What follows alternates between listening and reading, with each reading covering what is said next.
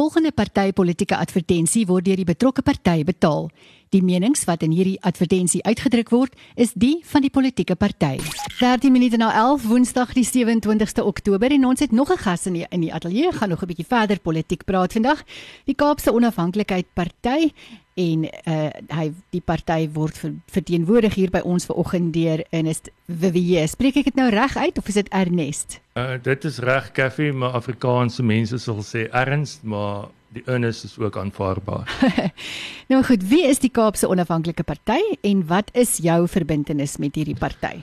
Kaffie, die Kaapse Onafhanklike Party het uh, amptelik geregistreer by die OVK in 2007 uh met die rede om 'n mandaat by die kiesers te kry uh vir Kaapse onafhanklikheid. Uh want ons glo dit is die enigste manier wat aanvaar word wêreldwyd as jy 'n mandaat het by die kiesers wat ons wil druk vir 'n referendum um in die Wes-Kaap en dit word beskerm deur die Afrika Unie se wetgewing, die Verenigde Nasies, selfbeskikking vir 'n etniese groep of 'n 'n 'n provinsie wat wil wegbreek van die res van die land weens verskeie redes soos ekonomie, uh belastings, eie polisie, uh want ons staan vir direkte demokrasie op die einde van die dag. En staan die party, die Kaapse Onafhanklike Party in al die munisipaliteite in die Wes-Kaap? Ja, ons staan in al die munisipaliteite behalwe 3, Matsikama uh bo in die Noord-Kaap, Witzenberg en net nie in Beaufort Wes nie. En hoe sien hierdie party die ekonomie van die Wes-Kaap? Wel, ons wil 'n vrye mark kapitalistiese ekonomie stelsel daar skep. Heidiglik staan die Weskaap 200 miljard rand te raad 'n uh, 'n jaar af aan die sentrale regering, die nasionale tesorie uh, wat dan die ANC uh, is en ons kry net terug 50 miljard vir die provinsie wat dan afgewentel word na die uh, plaaslike regeringsvlak toe. So ons verloor 150 miljard rand 'n jaar wat ons voel ehm uh, wat beter aangewend kan word as ons 'n onafhanklike staat is in 'n nuwe land is wat kan gebruik word vir behuising, werkskepping, uh, buitelandse investering want die buiteland met ehm uh, die ANC en EFF se beleide van grondonteiening sonder vergoeding laat 'n leemte want maatskappye oor see wil juis nie nou hier belê weens daai onsekerheid nie. Ehm um, ons wil 'n toerisme hub skep. Ons wil soortgelyk gaan uh, aan die Switserse kantonstelsel waar daar sewe daar's heidaglik 27 distrikte in die Wes-Kaap. So elke streek of deel soos dorp Mosselbaai, George, Prins Albert, die mag gaan afgewentel word na die mense toe. Hulle besluit uh op die einde van die dag wil jy in jou streek uh ons gaan kyk na ons eie polisie uh wil die mense in 'n referendum stem of die, op die doodstraf um ons wil inkomste belasting kan ons halveer want heidaglik word die middelklas begebelas tot hulle nie meer kan nie want 20.5% van die Wes-Kaapse inwoners dra by tot die nasionale tesorie se belasting uh gedeelte uh, basies. So ons wil 'n heeltemal 'n vrye mark-ekonomie stel en in en uitvoer belastings afskaal want daar's so baie as ek 'n Engelse woord kan gebruik, red tape tans vir in en uitvoere wat ons sagte vrugte bedryf in die Boland uh in die wynbedryf baie knel. Want ons het nou gesien in die lockdown kon mense nie in en uitvoer nie, wynproduksie, hulle moes wyn weggooi en uitgooi. Ons wil daai uh gebruikersvriendelike uh stelsel maak met buitelandse vennote. Ja. Ons gaan 'n handelspreek neem en dan luister na The Strambellas met Spirits voordat ons verder gesels met die Kaapse Onafhanklikheid Party en ons gas in die ateljee is Ernst Vivier. Dis Drummellas met Spirits. Dit bring die tyd te staan op 22 minute na 11 Woensdag die 27ste Oktober. Ons gas in die ateljee is Ernst Vivier van die Kaapse Onafhanklikheid Party. Uh, ons het nou net gesels oor hoe die party die ekonomie in die Wes-Kaap sien. Watter verskil gaan 'n Kaapse Onafhanklike Party kandidaat na 'n munisipale raad bring? Kaffie, ehm uh, ons is basies aktiviste om dorpe meer uh, vriendelik te maak om ekonomie uit te brei, toerisme en die indirekte demokrasie in munisipaliteite te bring.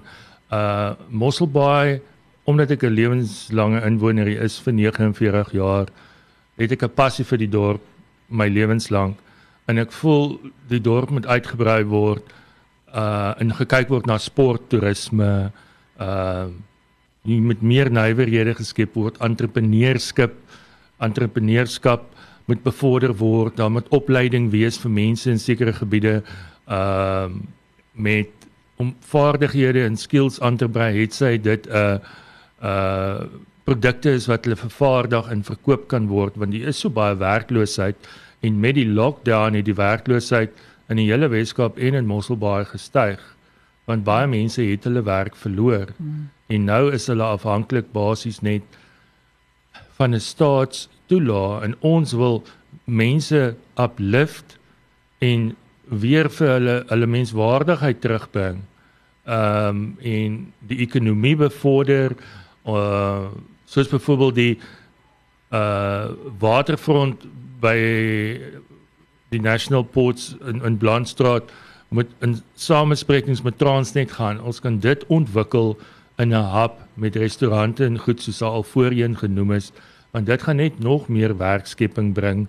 Ehm um, ja, en die vliegveld wat ons tans het bo in Alwindal kan verder uitgebrei word want ons het die Starlight Aviation hierso wat mense bring wat hier kom leer uh met dit ons ons kan met ons vliegveld kan ons baie beter benut en internasionale bemarking vir Mosselbaai want hier word soveel events alreeds aangebied soos die Cape Pioneer Trek. Uh ons kry die Ironman volgende jaar waarin ek 'n um, soort van 'n indirekte aandeel aangehad het want ek het aanvanklik met Ironman eers direk gekommunikeer en uh, toe wou hulle nie gesien het om 'n rotasiebasis te doen tussen Mosselbaai en Oos-London toe nie en toe na 'n paar maande toe hulle direk na die raad gekom met daai versoek so omdat ek het 'n uh, sportagtergrond uitkom is sporttoerisme vir my baie belangrik en ek sien dit is die baken van Mosselbaai vir toerisme. Mm. En watter verskil sou sou daar wees as jy verkies word of uh, wat sal jy na die raad toe bring as jy verkies word? Eerstens wat ek sal bring is om die raad vir aan uh, verantwoordbaar te hou vir besluite wat hulle neem. Omdat die raad tans 'n uh, sterk meerderheid het en dan 'n uh, skraler oppositie is, voer hulle baie uh mandate van aansoeke en goed uh, goed en dan het jy mense eintlik nie 'n sê nie soos byvoorbeeld uh die Ferris wheel wat hulle beoog om by die punt op te sit. Hulle keer dit in prinsip goed vooraf en dan sal dan na 'n uh, publieke uh, vertoë wat gerig kan word. So daai goed voel ek moet eerstens geopenbaar word aan die mense want uh, in my persoonlike opinie is is is sowel 'n goeie idee vir die dorp, maar ek voel dit gaan dit gaan op die verkeerde plek sit. Ehm um, so daarmee die raad moet tans wat in DA beheer is verantwoordbaar gehou word en verder wat ek sal bring is om met hulle om 'n tafel te sit en te sê ons is van die Kaapse Onafhanklike Party en ons moet na geluister word want ons sien juis die geld wat ons verloor wat baie beter in ons streke en ons dorpe gebruik kan word. En ehm uh, jy weet die DA doen 'n goeie werk in Mosselbaai. Hulle bestuur 'n begroting baie goed, maar dis nie noodwendig te sê hulle regeer goed nie. That their governance is not is as good as what they can control a budget. So uh, ons wil hulle verantwoordbaar hou en ook in samewerking met hulle uh werk, maar ek voel ons kort 'n bietjie meer 'n sterker oppositie. Dis hoekom ek mense aanmoedig om vir die Kaapse Onafhanklike Party te stem in Mosselbaai want ons ons kort meer om die huidige raad op hulle tone te hou in Mosselbaai. Ons gaan 'n musiekbreek neem saam met Ambie de Pre, niks en niemand en dan sluit ons af met die gesprek vir, met Ernst Wewe, die uh, hy is van die Kaapse Onafhanklike Party. Niks en niemand, dis die stem van Ambie de Pre daar is 'n minuut na 12:30 en ons gesels met Ernst Wewe, hy's van die Kaapse Onafhanklike Party. Uh, Ernst, hoekom moet kiesers vir die Kaapse Onafhanklike Party stem op uh, die 1 November, dis nou komende Maandag? Ja, sien die wat ek sal sê is die, is die hoofpunte hoekom kiesers vir die Kaapse Onafhanklike Party moet stem is eerstens ons is die enigste party van nadat lockdown begin het op 26 Maart 2019 al gesê het binne daai eerste 21 dae die lockdown moet stop want dit gaan groter werkloosheid meebring want die regering het gesê gee ons 21 dae om ons infrastruktuur en goed in plek te kry. Ons sit nou nog steeds met 'n state of an emergency nog die heeltyd en inperkings van mense met 11 uur by die huis wees en jy mag nie 4 uur nie. So dit voel ons word basies geregeer in die rigting van 'n sosialistiese staat. Die mense het nie basies meer hulle vryhede word ingeperk. Uh waar en ons is pro choice rakende die vaksin ons voel dis die persoon se reg om te besluit of hy daardie experimental drug wat dit eintlik nou is te kan aanvaar wil hy dit doen of wil hy dit nie doen nie ons voel mense kan nie geforseer word nie en ons staan ehm um, vir onafhanklikheid om die ander partye het sy dit die DA of wie ook al is te druk in die provinsie vir 'n referendum om hulle onder 50% te kry en ons 2-3% in die verkiesing in die Weskaap kry om dan na hulle toe te gaan en te sê weet jy ons onderhandelinge met julle is ons voorwaarde is ons soek 'n referendum vir Kaapse onafhanklikheid want baie mense dink dit is vergesog dit kan nie gebeur nie maar dit kan gebeur want om 'n voorbeeld wêreldwyd te, te noem, Skotland het in 2014 het uh, toe uh, die eerste minister David Cameron 'n uh, referendum uitgeroep. Die uitslag was 52-48 daarteen, maar uh, hulle huidige leier Nicola Sturgeon gaan nou weer druk vir 'n referendum want hulle wil wegbreek en op hulle eie wees. As ons wegbreek, dan gaan ons beter beheer hê oor ons eie polisie mag, hospitale, onderwys, uh mediese dienste, behuising vir mense wat al 30, 40 jaar wag vir 'n huis wat hier gebore is in die provinsie, maar dan kom immigrante in en hulle kry eerste behuising. Mm. En heidaglik het munisipaliteite beperkte mag om oor behuising, want dit moet kom van provinsiale regering en nasionale regering wat die begroting is. As ons direkte demokrasie in elke munisipale area of kantons soos ons dit wil doen op die Switserse stelsel dan gaan dit uit administratiewe klerke bestaan. Jy gaan nie meer duur besoldigde burgemeesters en raadslede hê wat 'n beroep daarvan maak nie. Daai mense gaan 'n voltydse werk hê en hulle gaan die die as 'n wijkkandidaat 'n administratiewe klerk wees en luister wat hulle mense in die wijk vir hulle sê en vra om te doen wat hulle behoefte is.